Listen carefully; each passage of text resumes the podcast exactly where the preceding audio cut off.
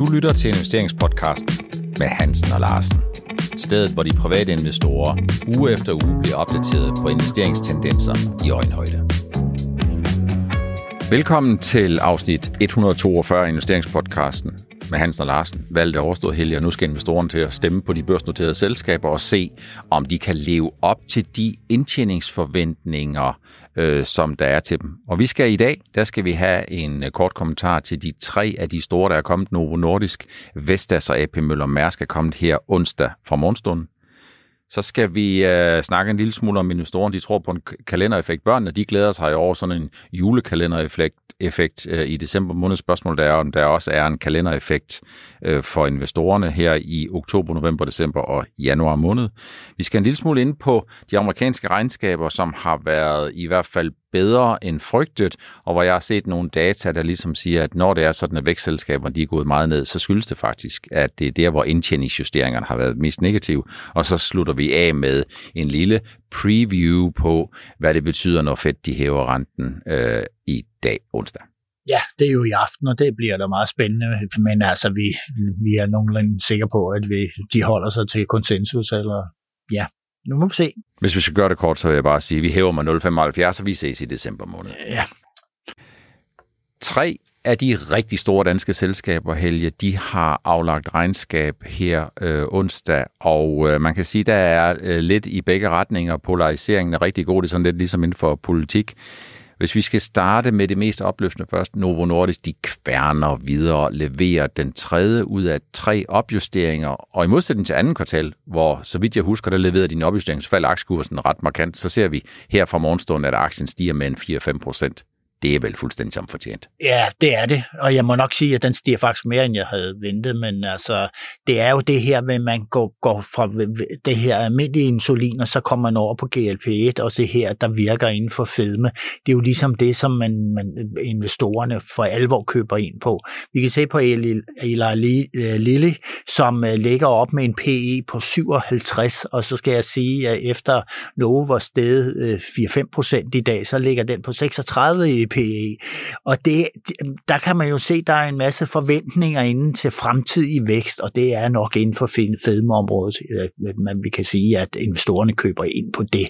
Og der må man jo sige, at øh, Novo Nordisk ligger rigtig, rigtig godt til der. Men altså, vi er vel også oppe i de der luftlag, hvor vi også er nødt til at erkende, at selv høj kvalitet i Novo Nordisk tilfælde har altså en meget høj pris, og det vil sige, at selvom det er et verdensklasse selskab, det er, der in, det er fuldstændig indiskutabelt. Og øh, så er vi stadigvæk sådan i kategorien noget, der er sådan i nærheden af 2.000 milliarder kroner. Øh, prisfastsættelsen er høj, og hvis der ikke bliver leveret fuldstændig med et øh, Fosbury flop, som det vel hed dengang, at øh, der kom en ny teknik i 1970'erne i højdespring, øh, jamen så, øh, så skal der på dagen ikke ret meget til. Det har du fuldstændig ret i. Øh, men jeg har, jeg, har, jeg har sådan hele vejen igennem, fordi jeg har jo været glad for Novo og købe min første aktier i Novo i 93, og det var et par kroner, tror jeg, jeg for, for, for dem der til en ret pension.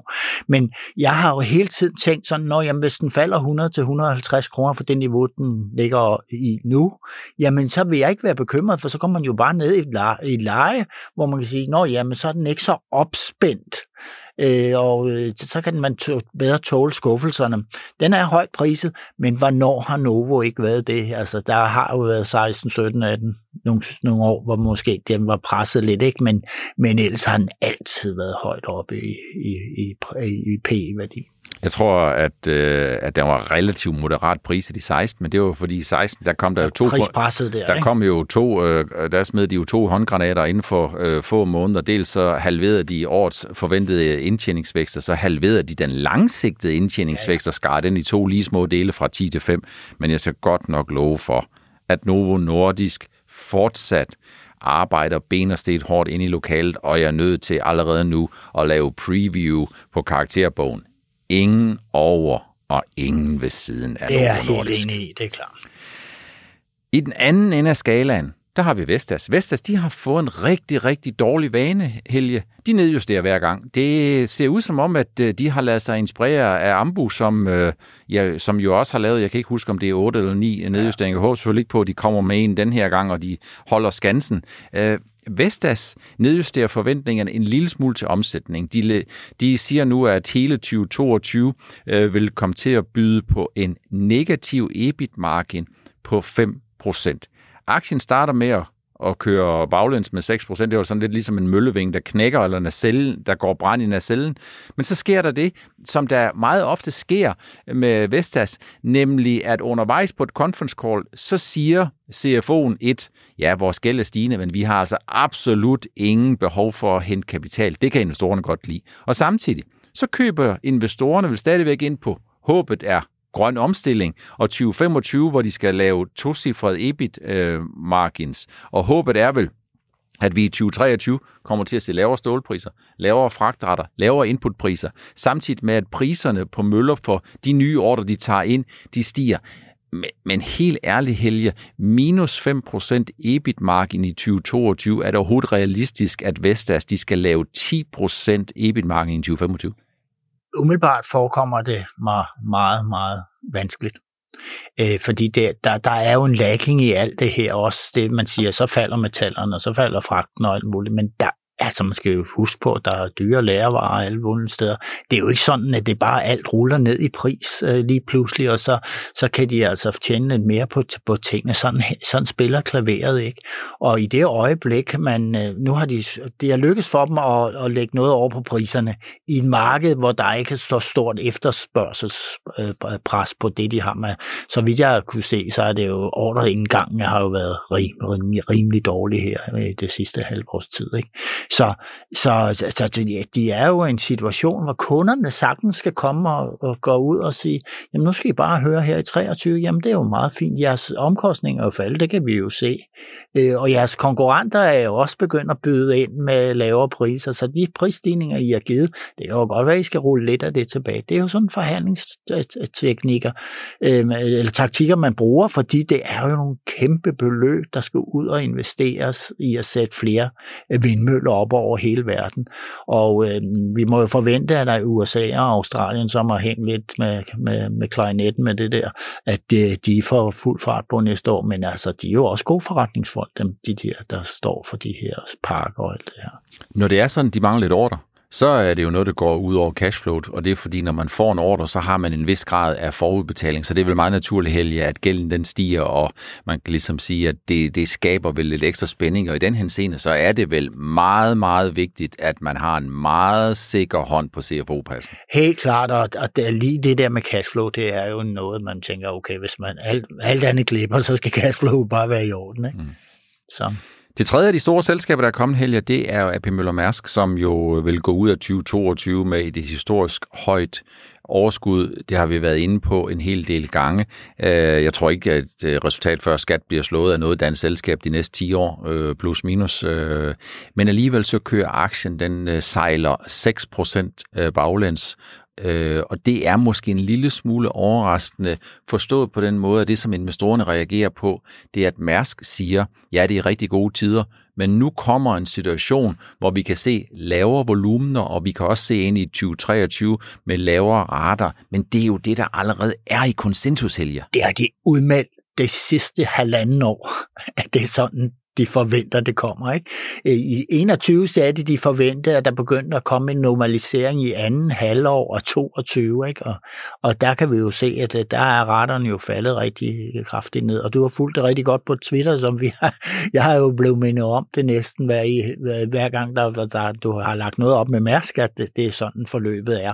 Og det har de været ude med, og det har alle de andre containerrederier for den sags skyld også. Ikke?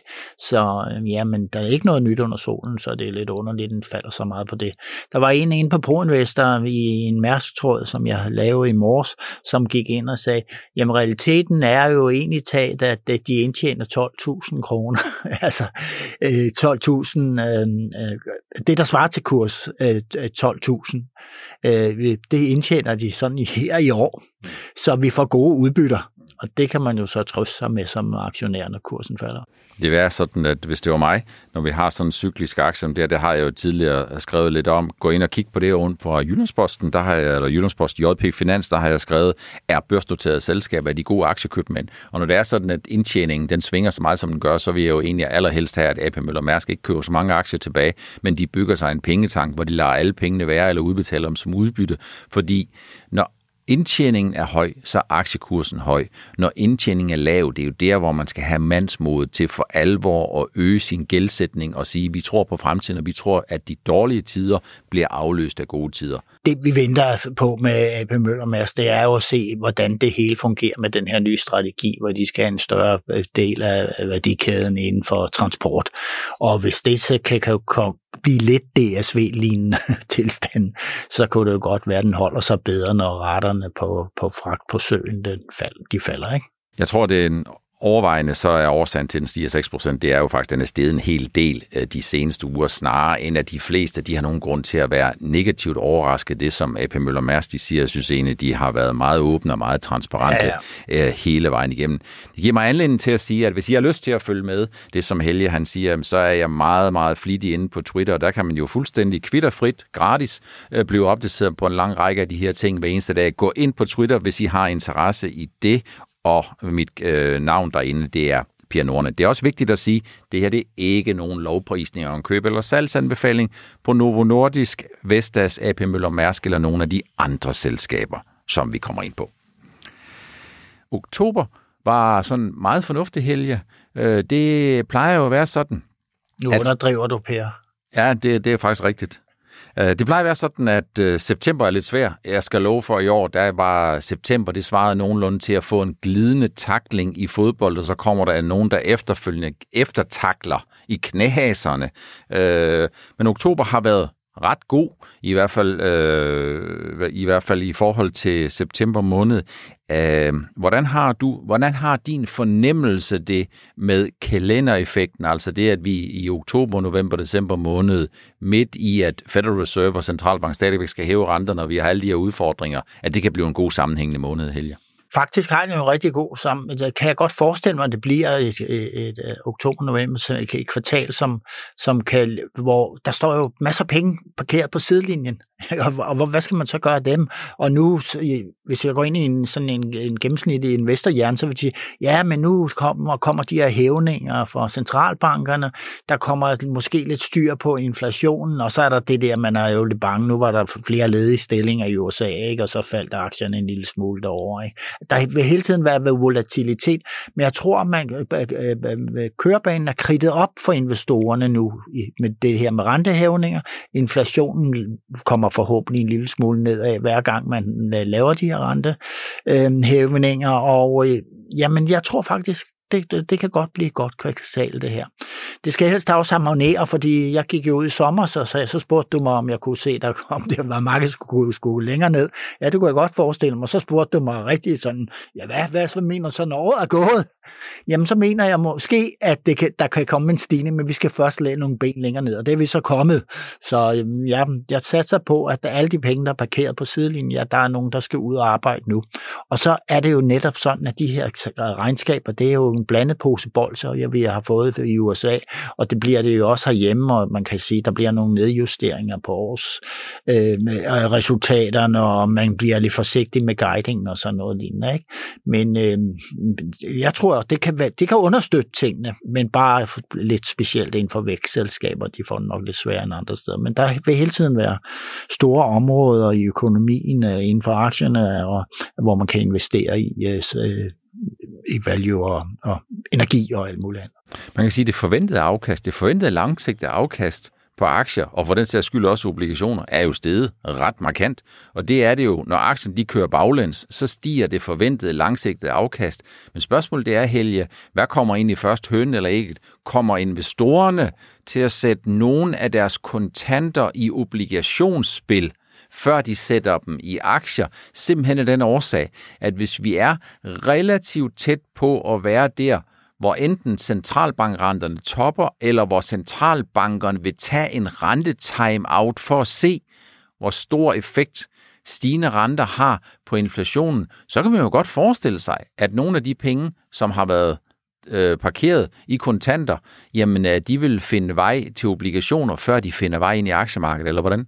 Jo, det, det kan man godt, men, men øh, Øh, og der er masser af debatter rundt omkring, om jeg kan, det er jo begyndt at pipe op på en helt anden måde, end jeg har set i mange, mange år. Altså det her, om skal man, hvad med obligationer, hvor, hvordan, hvordan investerer man i det, er der rigtig, rigtig mange af de nye på, på, på, på markedet, der spørger om.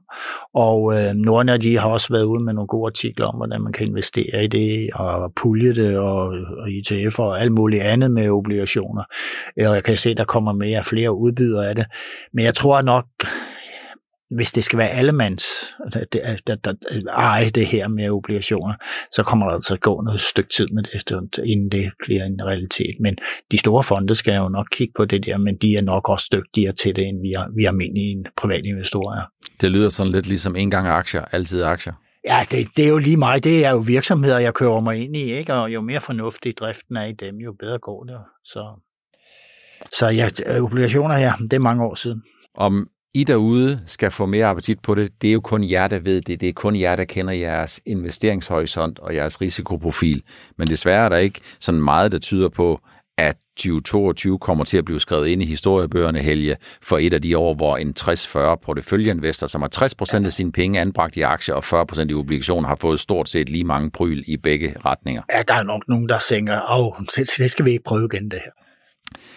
Hvis vi skal kigge en lille smule på den amerikanske regnskabssæson, som jo slet ikke er færdig endnu, men som er på vej til at være cirka en 55-60% til endebragt, jamen så kan man vel sige, at den, regnskaberne eller resultaterne har været under det langsigtede gennemsnit, men det har været væsentligt bedre end frygtet.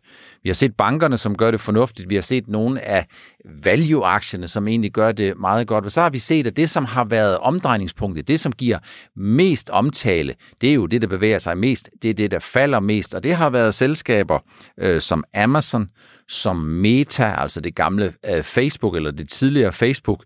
Øh, er, er, er du overrasket over det, Helge?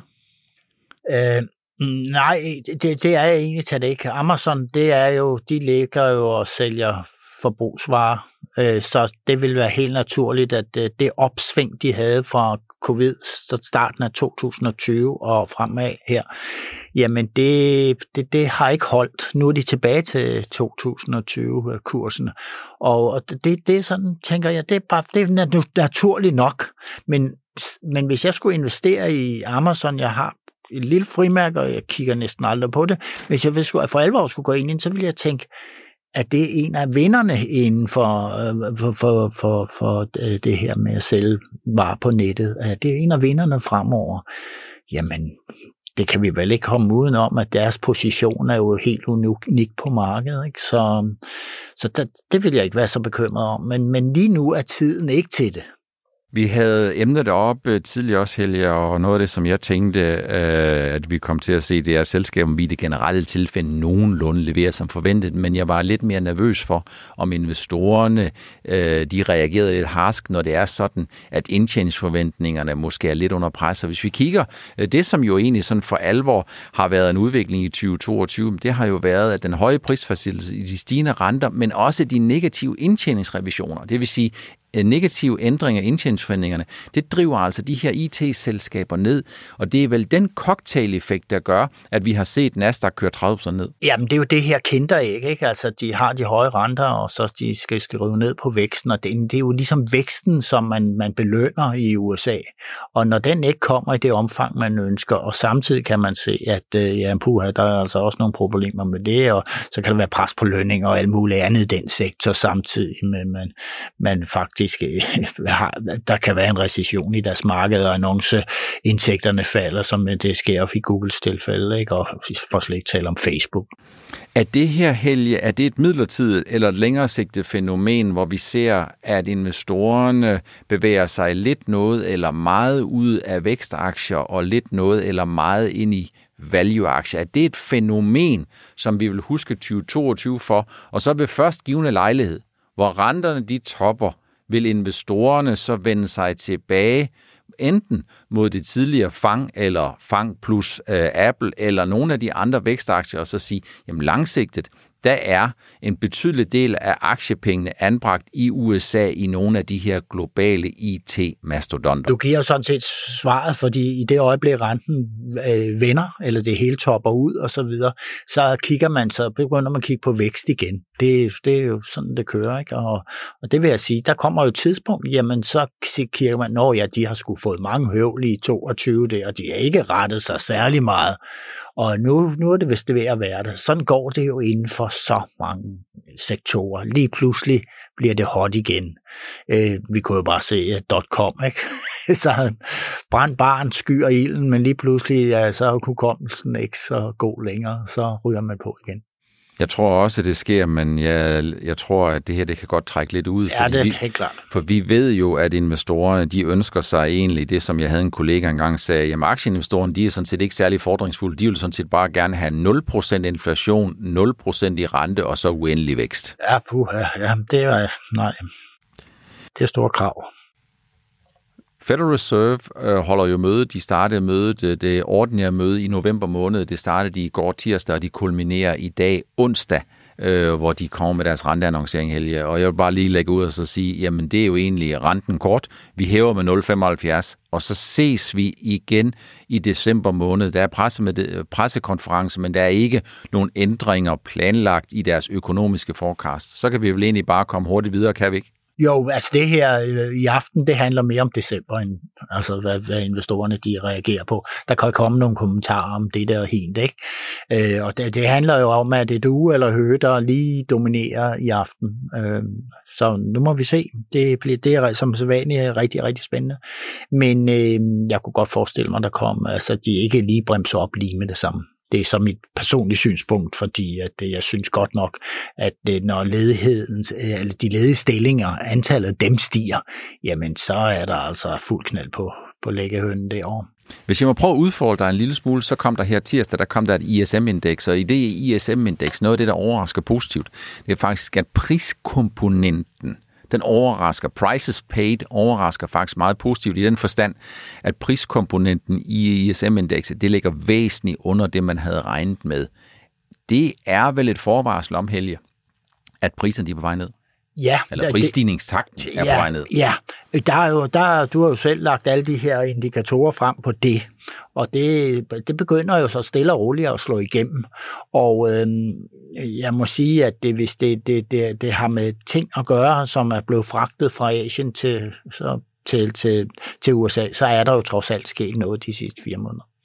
Altså hvis udvikling på fragtrater og på stålpriser og på bomuldspriser og på alt muligt andet priser, andre råvarer, andre råvarer. Hvis de øh, viser billedet, jamen så er det vel sådan, at i 2023, også selvom der er hedging og selvom der, for, øh, der er, hvad skal man sige, en forsinket effekt, så vil vi komme til at se nogle af de her ting, som jo vil øh, ændre sig ret meget, og det er jo fordi, at det er jo ikke kun et spørgsmål om, de er faldet med 5 eller 7 eller 10 procent, det er et spørgsmål om, at de er kørt fuldstændig tilbage til udgangspunktet. Så har du også hele det der spil i det her, at der er en, der er en, en efterspørgselsdestruktion, og når efterspørgselen inden for mange ting, og når efterspørgselen falder, jamen hvordan skal du så komme af med din vare? så bliver du nødt til at sætte priserne ned, og det er altså en, en god spiral at komme ind i, hvis man sidder, sidder øh, altså for den indkøber, der sidder på den anden side af bordet, ikke? altså jamen vi ved godt, at der er ikke så mange kunder i jeres butik, så øh, hvis, I skal have, hvis vi skal købe noget, ja, skal I sætte prisen ned. 0,75 op i dag, Helge, og så er man fast forward indtil december måned. Jeg tænker, det bør ikke udløse nogen aktiepanik inden for dagen i dag. Ikke, ikke nej, det bør det ikke. Øh, det, så skulle der komme nogen helt, noget helt andet ind over, men altså, man ved jo aldrig. Man ved aldrig, det er jo udfordrende tider. Øhm, den næste inflationstest, den kommer mandag den 14. november. Det er der, hvor CPI, Consumer Price Index, forbrugerprisindekset for USA, bliver offentliggjort for november måned. Det var vel ikke længe, så vil alles øjne vil begynde at blive rettet mod at spekulere i, om vi da i det mindste, hvis ikke år over år, så i hvert fald måned over måned, skal se en væsentlig lavere stigningstakt. Ja, det skal vi, og det har vi jo ventet allerede i sommer, så begyndte vi jo at snakke om investorerne sådan globalt.